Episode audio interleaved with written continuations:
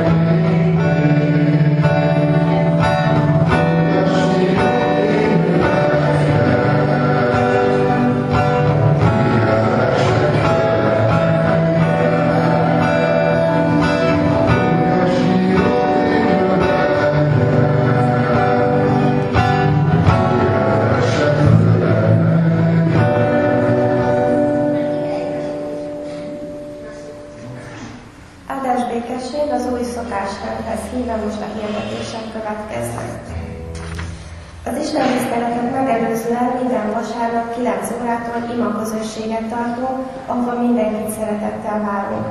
Ez egy kiemelten fontos szolgálat, Isten segítségét, áldását kérjük nehézségeinkben, betegségben gyógyuláshoz, a szolgálatainkhoz, és persze a templomunk, gyülekezeti otthonunk mielőbbi felépüléséhez. Az ima helye a bejárattól balra található társalgó, kezdete pedig minden héten 9 óra. Ne felejtjük Jézus biztatását, mert ahol ketten vagy hárman összegyűlnek az én nevemben, ott vagyok közöttük. Jövő héten csütörtökön a temetői imaházban 15 órai kezdettel tartunk bibliaórát.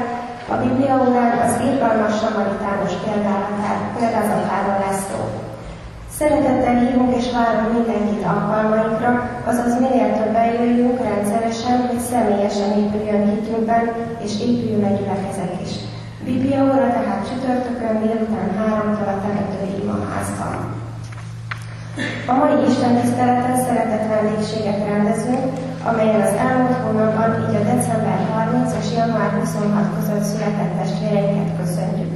A mai Isten tisztelet után tehát szeretett vendégséget. Széchenyi városban a Széchenyi sétány 11 szám alatt február 3-tól minden hétfőn 16 órától tini klubot szervezünk 10-14 éves fiatalok számára. Hordozunk imádságban ezt az induló ifjúsági missziót, további információ Bartalmérás testvérünknél. Február 13-án 19-től 22 óráig ez az a nap roadshow lesz a Messzi István sportcsárnokban. Jegyek 1000 forintért megvásárolhatók a református pontban. A hétfői presbiteri gyűlés zárja le a 2020-as év választói névjegyzékét. 1062 fő szerepel az előzetes választói névjegyzékben. Ez az utolsó vasárnap, amikor még meg tudják nézni a gyülekezeti tagok a kiáratnál a választói névjegyzéket. Az idei évben is megrendezzük a gyülekezeti nyári generációs tábor, amely 2020. július 27 és augusztus 1 között lesz felső tárkányban.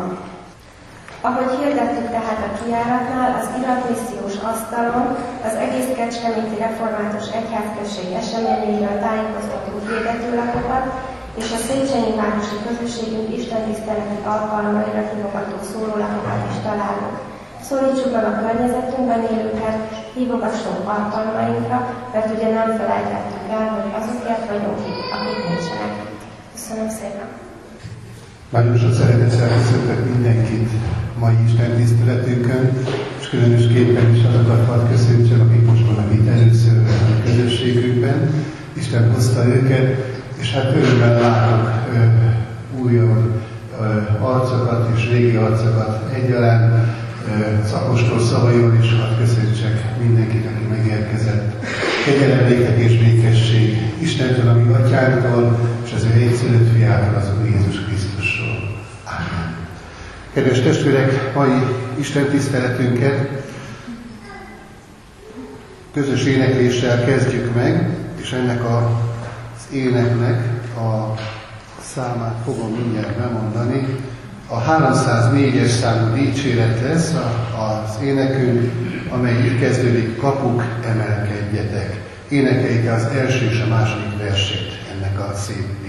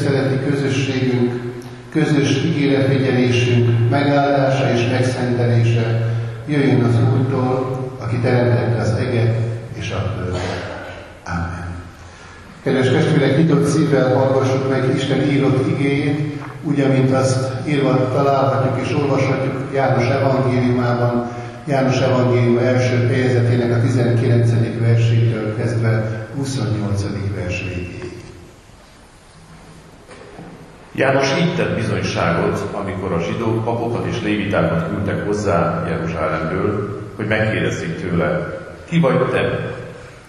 Ő megvallotta és nem tagadta. Ezt vallotta. Én nem a Krisztus vagyok. Erre megkérdezték tőle, hát akkor te vagy Illés? Ő azt mondta, nem az vagyok. A proféta vagy? Így válaszolt, nem. Ezt mondták tehát, ki vagy? Hogy választhassunk azoknak, akik elküldtek minket, mit mondasz magadról? Erre így felelt. Én kiáltó hang vagyok a pusztában. Egyengessétek az Úr útját, ahogyan Ézsaiás proféta megmondta. Küldöttek között voltak farizeusok is, és ezek tovább kérdezték őt. Miért keresztelsz hát, ha te, nem te vagy a Krisztus, sem Illés, sem pedig a próféta? János így válaszolt nekik. Én vízzel keresztelek. De közöttetek áll az, akit ti nem ismertek, aki utánam jön, és én arra sem vagyok méltó, hogy sarulja szíját megoldjam.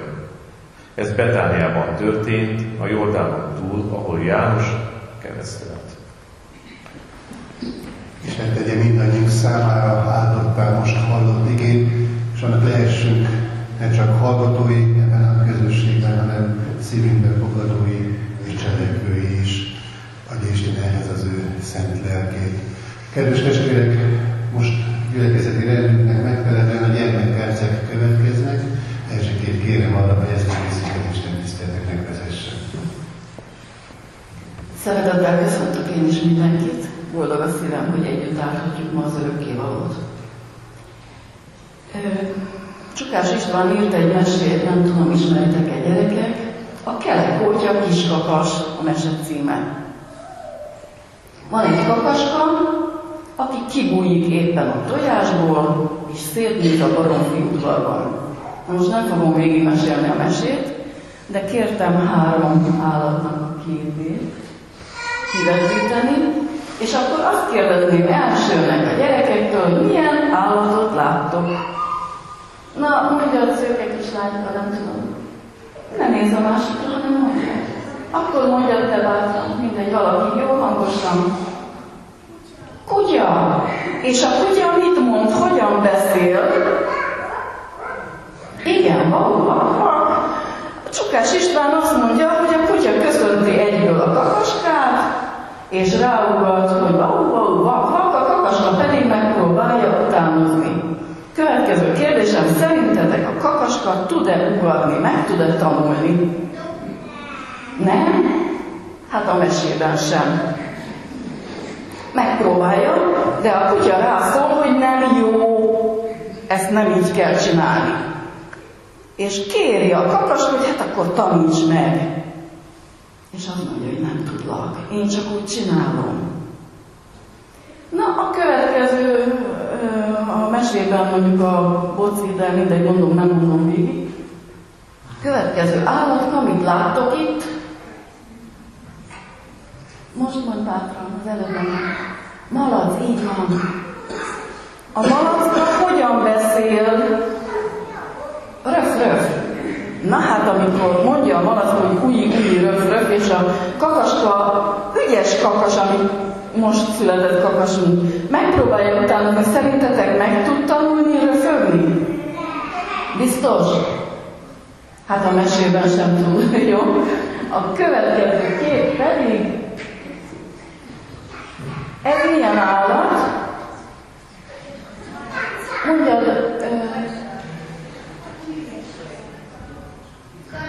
Kacsa, így van. Na de a kacsa egy modell, nem? Meg a kakas is modell, a modellok törzsébe tartozik biológiában. Ö, akkor biztos sikerül, nem van tolla, szárnya, csőre, nem tudom milyen, tehát hasonlítanak. Hogy beszél a kacsa, mit mond? Hát, hát, akkor hápogni meg tud tanulni, ugye? Meg tud tanulni a kakaska hápogni? Hát nem, a mesében sem sikerül neki. Az a mese legesleg vége, hogy feljön a nap. A nap rámosolyog a kakaskára, és azt mondja neki, hogy köszönts engem, üdvözölj. És ami kakaskánk azt mondja, hogy nem tudom, hogy kell csinálni. Ó, de hogy nem tudod, csak bátran. És addig-addig biztatja, nem a kakas, mit mond? Kukorikó, és egyszer csak elkukorékolja magát, a baromfi udvar pedig boldog, hogy milyen nagyszerű kakasunk van. No, keresztelő János azt mondta, hogy nem vagyok ilyen illés, meg nem vagyok ilyen Krisztus. Neki volt önazonossága, tudta magáról, hogy kicsoda, nem kellett magára találnia, mint a mesében a kakaskának.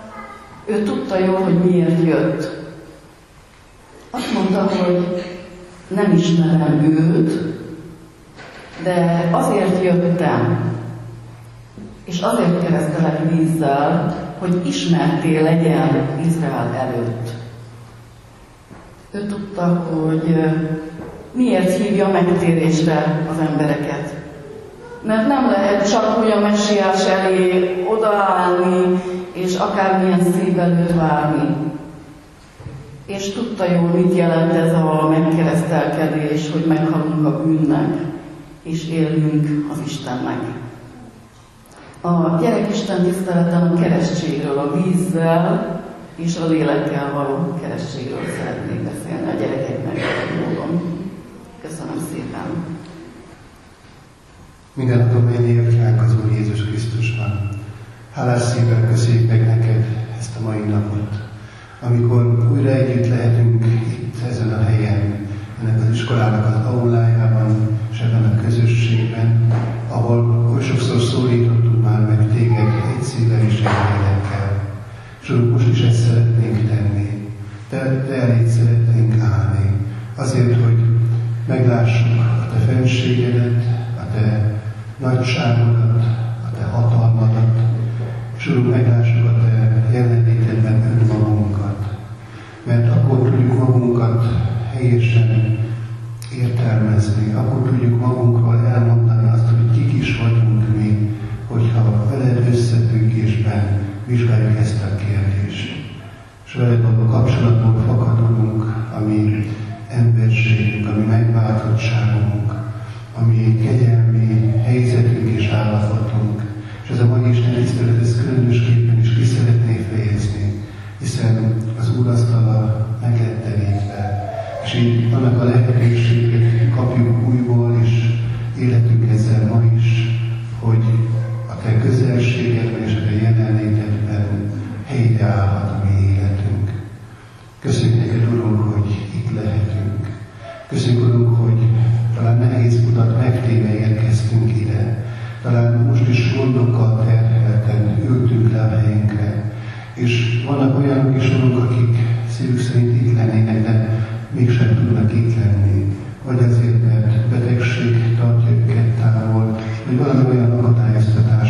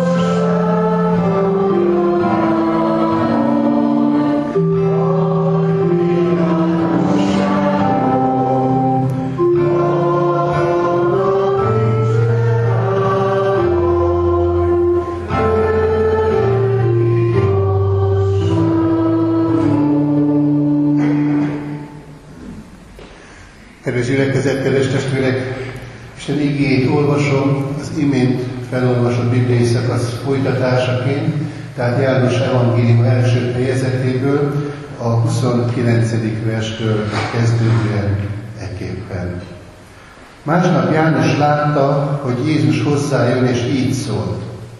Íme az Isten báránya, aki elveszi a világ bűnét. Ő az, akiről én megmondtam. Utánam jön egy férfi, aki nagyobb nálam, mert elő volt, mint én. Én nem ismerem őt, de azért jöttem, és azért keresztelek vízzel, hogy ismerté legyen Izrael előtt. Így tett erről bizonyságot János. Láttam, hogy a lélek leszáll az égből, mint egy galamb, és megnyugodott rajta. Én nem ismertem őt, de aki elküldött engem, hogy vízzel kereszteljek, ő mondta nekem. Akire látod, hogy leszáll a lélek, és megcsípszik rajta, ő az, aki Szentlélekkel keresztel.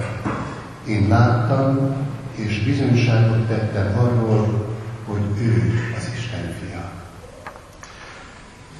Kedves testvérek, az imént hallott bibliai szakasz János Evangéliuma bevezető gondolatsora még mindig, és egy jól ismert mondat az, ami ebben a felolvasott szakaszban különösen és erősen cseng, amikor azt mondja a keresztelő János, íme az Isten báránya, aki elveszi a világ bűneit.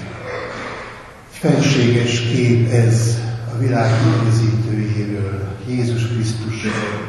Sokat mond, szinte minden kifejez az, amit itt János Jézus Krisztussal kapcsolatosan megfogalmaz. Jézus Krisztus most kezdi el az ő nyilvános szolgálatát, kezdi hirdetni az Isten országát, kezdi hatalommal és erővel megmutatni az Isten szeretetét és irgalmát ebben a világban. És keresztelő János, mint aki útkészítője Messiásnak, itt áll most előttünk, és sok-sok kérdést tesz föl nekünk.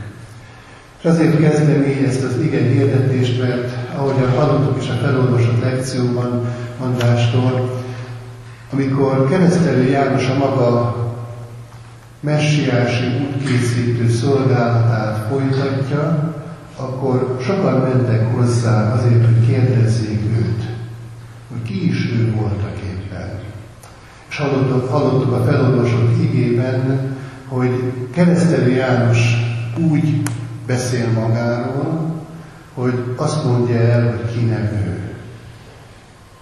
És aztán ebből fogjuk majd meglátni, hogy valójában ki is ő. Felolvasott ige azt mondja, hogy a zsidók papokat és lévitákat küldtek keresztelő Jánoshoz, tulajdonképpen nem más szándékkal és hátsó gondolattal, mint hogy vizsgáztassák keresztelő János. Szebb kifejezésre élve, hogy kikérdezzék őt, hogy ki is ő voltak éppen. Három kérdést tettek föl keresztelő Jánosnak. Az első kérdés az arra vonatkozott, hogy te vagy a messiás. Ma így mondanánk ezt, hogy kicsit még érthetőbb legyen a kifejezés, hogy te vagy a Krisztus, hiszen a messiás héber szónak a görög megfelelője az a Krisztus szó, vagyis a Krisztus. És hallottuk keresztelő Jánosnak az egyértelmű és világos válaszát erre a kérdésre, hogy nem, nem én vagyok a messiás. És nyilvánvalóan keresztelő János is, és korabeli zsidók túlnyomó része várta a messiást. Úgy teltek az évek, és úgy teltek az évszázadok a zsidóság történetében, hogy mindig ez a gondolat, ez a kérdés forgott bennünk, hogy vajon mikor érkezik meg a messiás, és ki lesz ő. Nyilván a zsidóság számára Jézus korában a messiás kép egy egészen másfajta körvonalat mutatott, mint amiben majd Jézus Krisztus megmutatja a világ üdvözítőit. Ők sokkal inkább, mondhatjuk így, hogy politikai messiást vártak, ami alatt azt értették, hogy ha majd eljön a messiás, akkor hatalommal és erővel és Istentől kapott felhatalmazással megszálló római seregeket, amelyek Júdeát is megszállva tartották, kiűzi, és ilyen módon felszabadítja a zsidó népet, és egy új dicsőséges történelem küszöbére vezeti őket. Most hát a zsidók többségében egy ilyen kép élt a messiásról. És azt mondja keresztelő János, hogy nem én vagyok a messiás. És ezzel a tagadással nem csak azt árulja el Jézus, hogy én nem értek egyet azzal a messiás váradalommal, ami bennetek van, hanem azt is elárulja, hogy én nem vagyok az, akit vártok, hanem van valaki, aki mégis itt van, aki a messiás, és van messiás, csak nem én vagyok.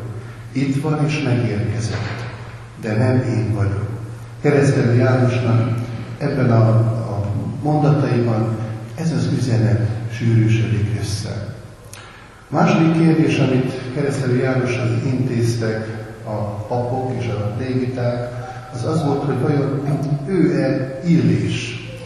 És talán kicsit csodálkozunk is ezen a kérdésen, miért kérdeznek ilyet keresztelő Jánostól? Ugye Illés személyét, profétai szerepét mindannyian jól ismerjük, és tudjuk azt, hogy Isten nagy és fontos szolgálatot bízott az ő profétájára. Különös módon ért véget az ő profétai tisztsége is. És a zsidók úgy gondolkodtak, és így gondoltak Illésre, hogy ő lesz majd az a személy, aki, amikor a messiás közeledik, előtte meg fog érkezni. Újra megjelenik.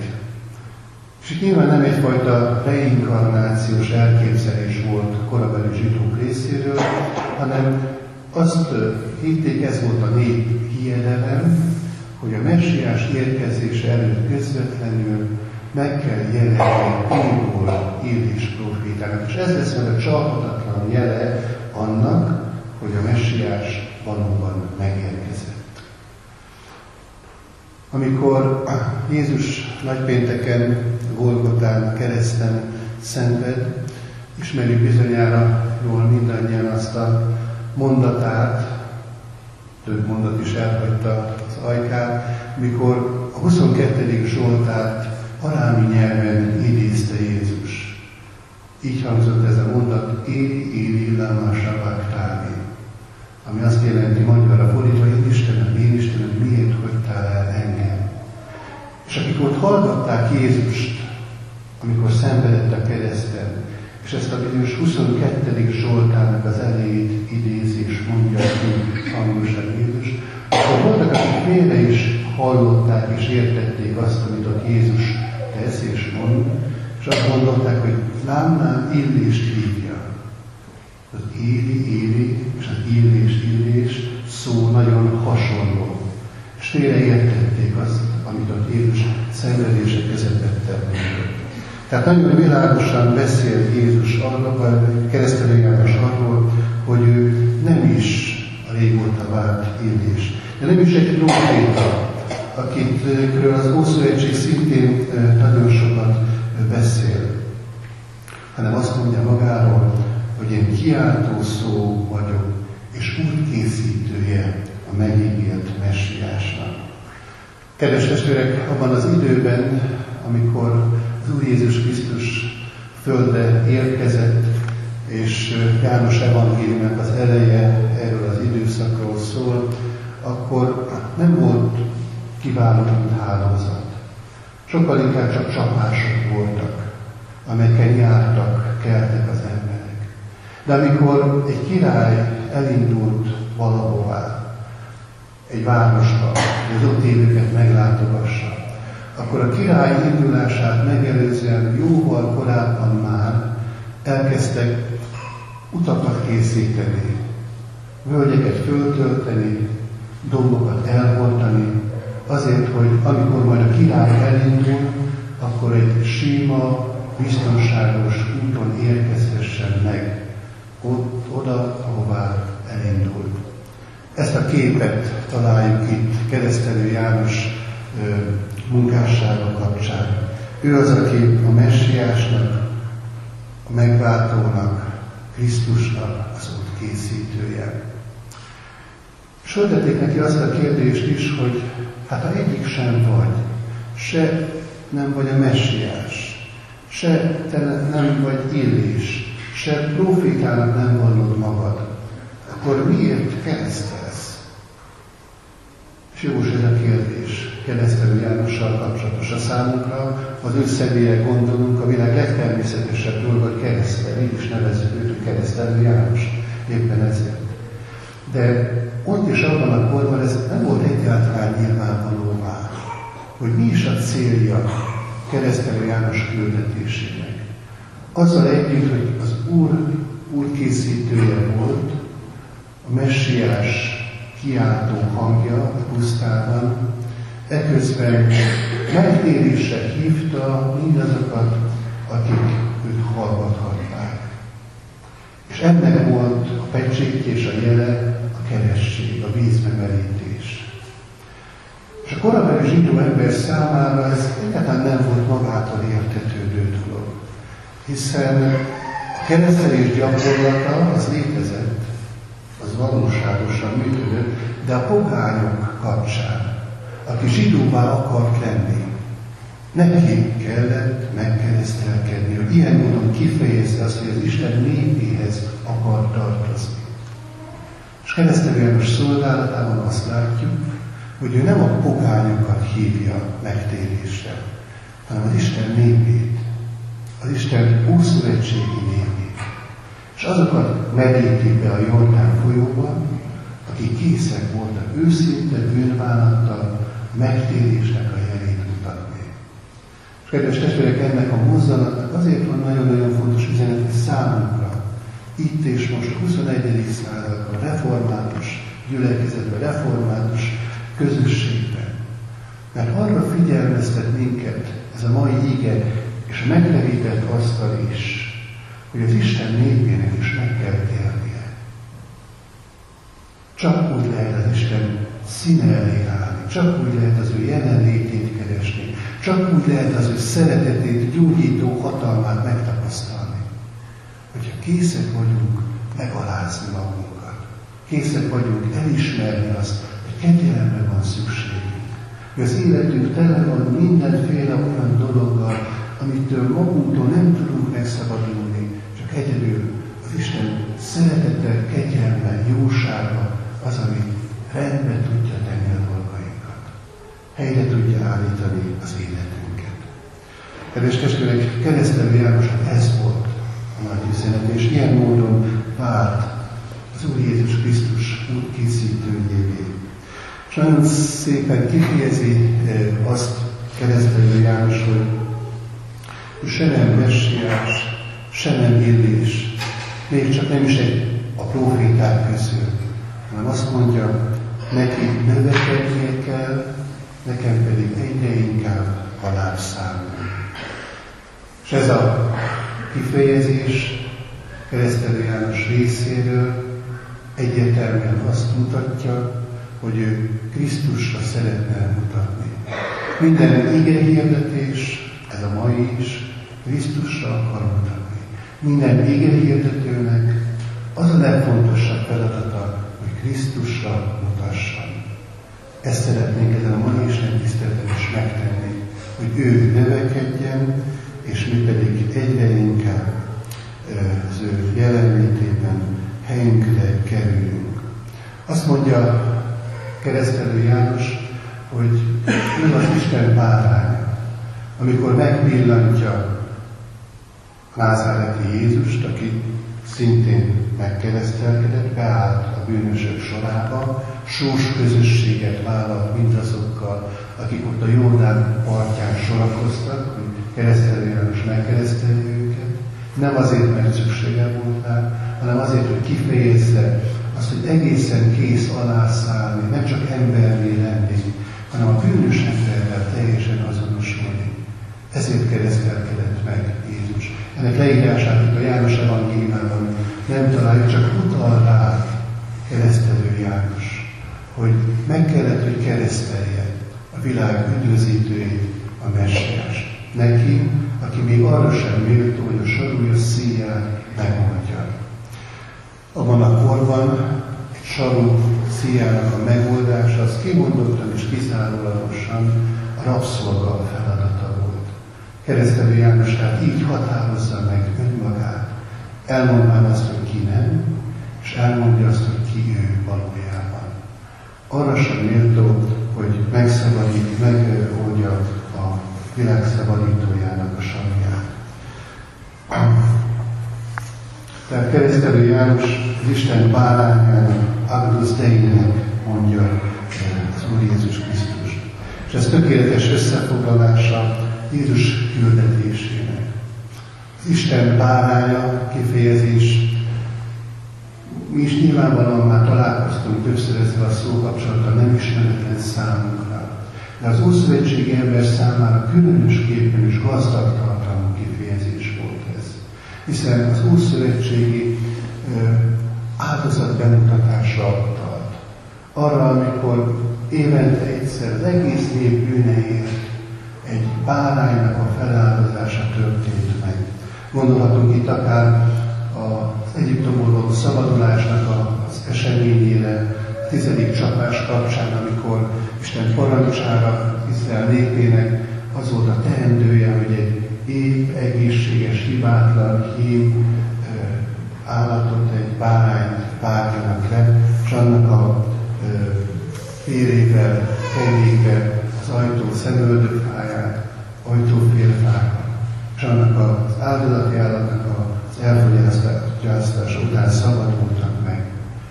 Arra utal itt keresztelő János ezzel a kifejezéssel, hogy a názáreti Jézus az Isten báránya.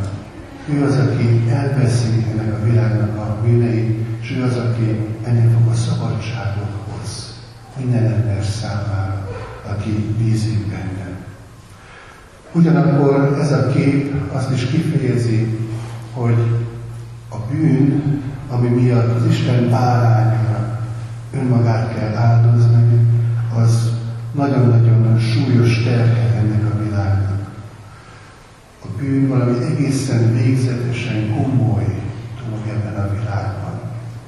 Ezt azért szükséges újból hangsúlyozni, és különösképpen akkor, amikor úrvacsora vételére gondolunk, mert hamar születik a szívünkben felmentő ítélet. Relativizáljuk azt, amit teszünk, amit bűnként kellene, hogy néven nevezzünk. Azt gondoljuk, hogy tévedés az mindösszesen, vagy csak egyszerűen hibáztunk valahol és valamikor. Ez a kép az Úr Jézus Krisztusról, amit keresztelő János elénk tár, hogy ő az Isten báránya, azt hirdeti számunkra, hogy a bűn egy halálosan komoly kérdés.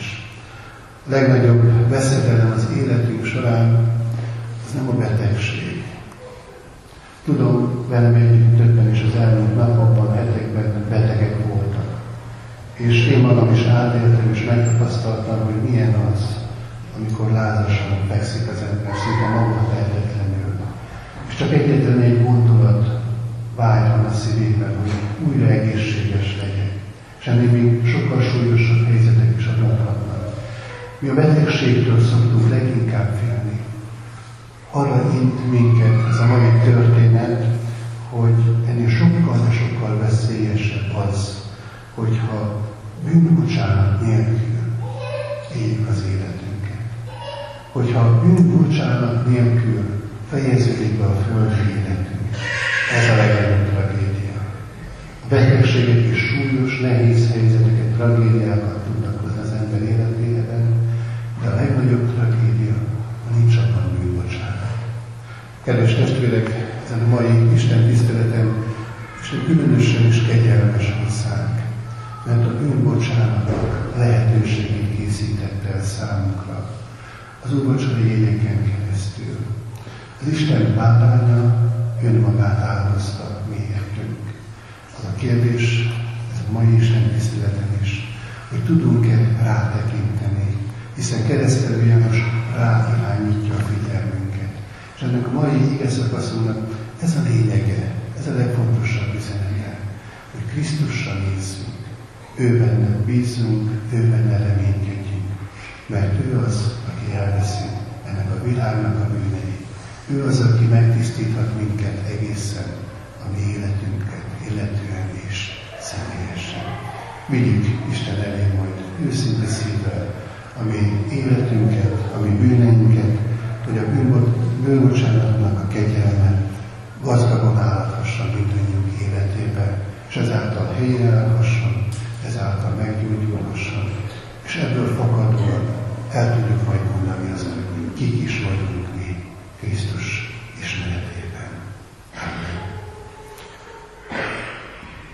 Kedves testvérek, úrvacsorára készülve 227. dicséret első és második versét énekeljük el.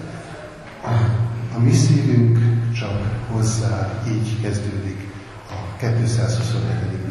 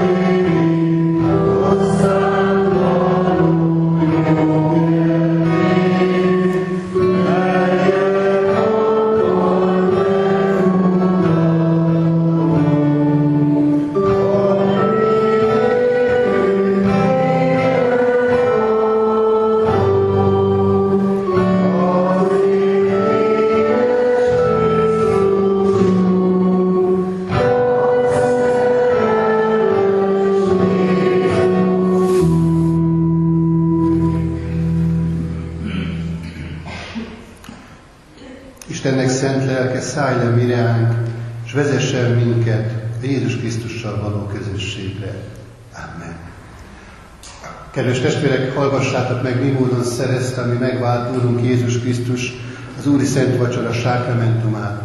Ennek leírását Pálapostolnak a korintusi gyülekezethez írott levelében olvashatjuk a 11. fejezet 23. versétől kezdődően elképpen. Én az Úrtól vettem, amit át is adtam néktek, hogy az Úr Jézus Krisztus azon az éjszakán, amelyen elárultatott, vette a kenyeret, hálát adván megtörte, és ezt mondta. Vegyétek, egyétek. Ez az én testem, amely ti életetek megteletik, ezt cselekedjétek az én emlékezetemre. Miután megvacsoráltak, hasonlóképpen vette a pohrat is, és ezt mondta. E pohár, am az új szövetség az én vérem által. Ezt cselekedjétek, valamennyiszer isszátok az én emlékezetemben. Mert valamennyiszer eszitek e kenyeret, és isszátok e poharat, az Úrnak halálát hirdessétek, amíg eljön. Kedves testvérek, szemünk előtt vannak a látható jegyek, hallottuk Isten igéjét, Gyertek és most valljuk meg a magunk kegyelemre szorultságát, énekszóban a Lélekkel és Értelemmel című kiadványnak a 15-ös számú énekét énekeljük el. Öt verszaka van ennek az éneknek, és így valljuk meg most magunk kegyelemre szorultságát. Jöjj, szabadíts meg, ó kegyes Isten, így kezdődik az első vers. thank you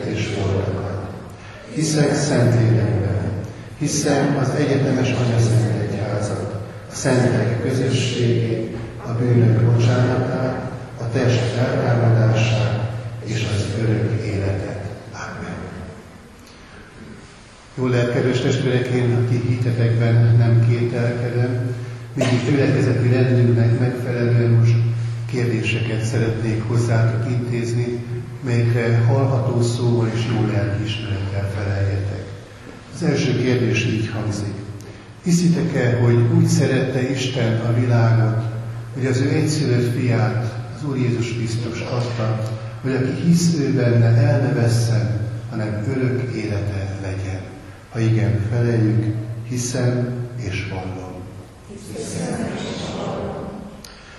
Másodszor ezt kérdezem tőletek, ígéritek-e, fogadjátok-e, hogy a kegyelemért egész életeteket az Úrnak szentelitek, mint élő, szent és neki kedves áldozatot.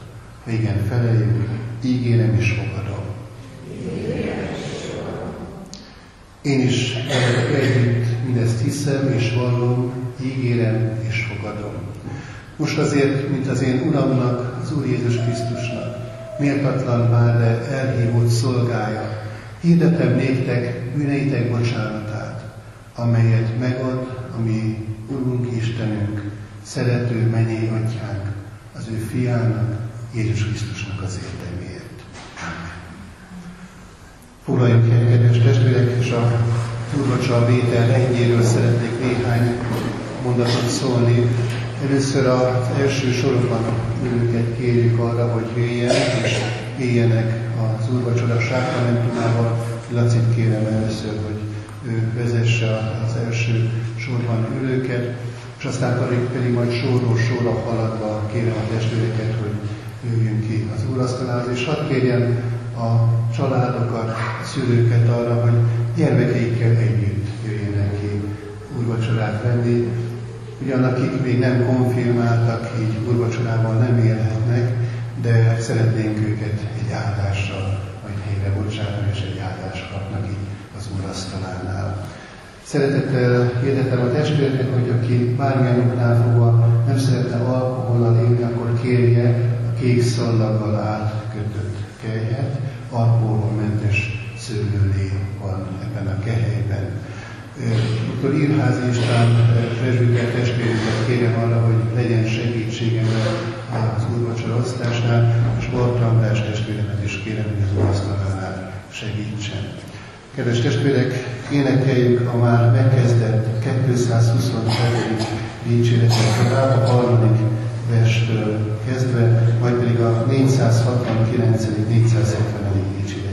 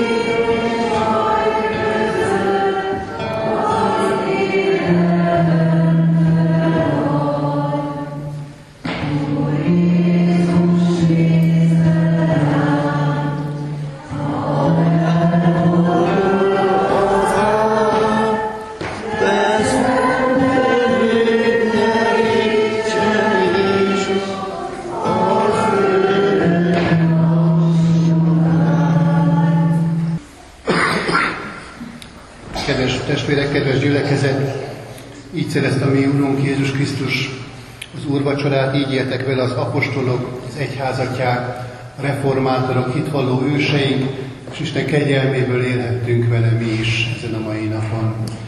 Isten igéje int és figyelmeztet minket arra, hogy ne tegyük hiába valóvá azt a kegyelmet, amelynek most részesei lehettünk, hanem legyünk készek továbbadni mindazt, amit most megtapasztaltunk és átéltünk. Isten bűnbocsátó szeretetét, az ő nagy lehetőségét, írgalmát és jóságát adjuk tovább. Adja Isten, hogy ez valóban megtörténhessen, és ehhez kérjük most Isten szent lelkének erejét, jelenlétét imádságban. Hálát adunk neked, mennyei atyánk, hogy részeltettél minket a Szent Sákramentumban, és hirdettetted közöttünk megváltó Urunk, értünk ott áldozatának jó hírét. Kérünk, Urunk, hogy légy segítségünkre, hogy mi, akik szeretetedet most megtapasztalhattuk, magunk is hadd lehessünk irgalmat eszközé. Kérünk ehhez a te szent lelkednek erejét és jelenlétét a mi életünkben. Hiszen Urunk nélküled esélyünk nincs arra, hogy bármi jót is tegyünk. És szeretnénk, Urunk, keresztelő Jánoshoz hasonlóan mi is rád mutatni, életünknek minden mozzanatával, nem csak szavainkkal, hanem a mi tetteinkkel is. Minden egyes olyan dologgal, ami az életünk során adatik számunkra, legyen bizonyságtétellé. Kérünk, Urunk, hogy adott a szent lelkedet számunkra, hogy ilyen módon tudjunk de lelked erejével bizonyságot tenni, és téged hirdetni. De kérjük, Urunk, a Te jelenlétednek áldását, gyógyító hatását azok számára különösen is, akik betegséggel néznek most szemben. Adorunk, hogy akiknek ott van a szívében az aggodalmaskodás, egészségi állapotok miatt, te légy velük és te bátorítsd őket, Te légy az ő gyógyítójuk. Könyörülünk, Urunk, a gyászolókért, akik a veszteségnek a terhét hordozzák szívükben. Te légy az ő reményük nehéz helyzetükben, egyedül maradt állapotunkban. Kérünk, Urunk, a mi gyülekezetünkért, ezért a közösségért itt Széchenyi nagy gyülekezetért ebben a városban. Most kérünk, Urunk, ezért a városért, hogy Te találva minél többen ide lejjenek, és így üdvösséget találjanak. Kérünk, Urunk, hogy mi, akik különböző felekezetű keresztényekként megbízattunk az evangélium hirdetésére ebben a városban, hadd tudjuk ezt egy szívvel és egy lélekkel tenni, rámutatni, rólad bizonyságot tenni. Amen. Gyertek és együtt fennállva mondjuk el az úton tanult imádságot. Mi atyánk, aki a mennyekben van, szenteltessék meg a te neved, jöjjön el a te országod, legyen meg a te akaratod, amint a mennyben, úgy a földön is. Minden napi kenyerünket add meg nékünk ma, és bocsáss meg védkeinket, mert mi is megbocsátunk az ellenünk védkezőknek. És ne vigy minket kísértésbe, de szabadíts meg azt, mindörökké.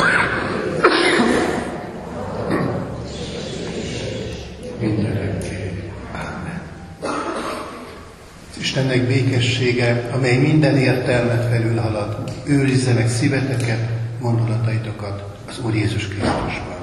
Amen.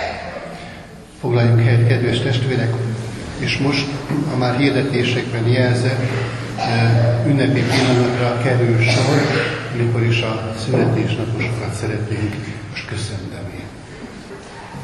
A mai Isten tiszteletünkön, tehát a december 29-e után születésnapjukat ünneplő testvéreket köszöntjük. Nekem a múlt héten mondta Rozi, hogy szeretne egy verset mondani, de nem tudom, hogy most készült-e. Jó, álljanak ki a születésnaposok, mert addig nincs vers. Úgyhogy jöjjenek a születésnaposok. Jogos. Bocsánat. Áldás békesség, szeretettel köszöntök mindenkit. Egy nagyon rövid kis verset szeretnék mindenkinek mondani, és a másikat, ha nem sértek meg valakit, én direkt a tisztelendő asszonynak írtam, de mindenki fogadja nagyon sok szeretettel. Tudok egy lábocskát a szívem melegéből. Elviszi egy angyal, ki eljön az égből. Füvedbe súgja, mit szívből kívánok, de elmondom én is nektek, hogy boldog születésnapot kívánok. Köszöntő, születésnapi köszöntő. Az életed útján járnak, messziről láttál-e táblát? Messze volt még, nem figyelted? A rajta levő számjel. Itt van, elérte. A negyvenet már megérted. Most nem tudod, örül vagy sírjál, az életben már annyi mindent kibírjál. Örülj, hogy itt vagy, és tovább mehetsz. Vannak körülötted sokan, akit szeretsz, és téged is nagyon sokan szeretnek. Várják, hogy a rád miért utat tedd meg, haladj tovább, nevetve, a gondokat, bajokat feledve, az újabb táblára ne figyelj, az irigyek hangjára ne, ne fülelj, ha derűs szívvel, őszintén igazán szeretsz, az életben még mindig nagyon-nagyon boldog lehetsz. És ezúttal köszöntöm minden születésnaposokat, és hát sajnos annyi emléklapom nincsen, de ezt magam rajzoltam és számítógépre vettem föl, és a tisztelemtartom szeretném ezzel, ezzel köszönteni születésnapja alkalmával.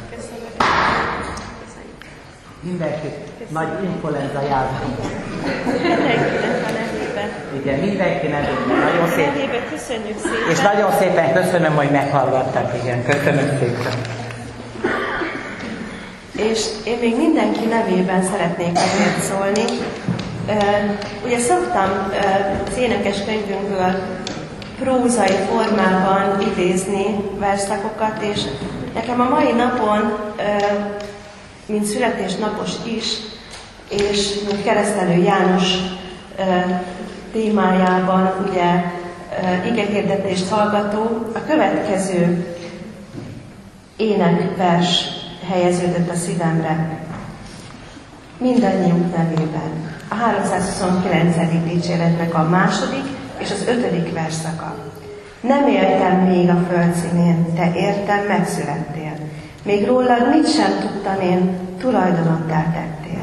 Még meg sem formált szent kezed, már elválasztál engemet, hogy társam légy a földön. Megváltom, egy kérésemet nem vetheted meg nékem, hogy szívem mélyén tégedet hordozhatlak, remélem. És bölcsőt szállásod leszek. Jövel hát, tölts el engemet magaddal nagy örömmel. Ezt kívánom valamennyi számára. Akkor énekeljünk még egyet. Megáldjon téged az Isten.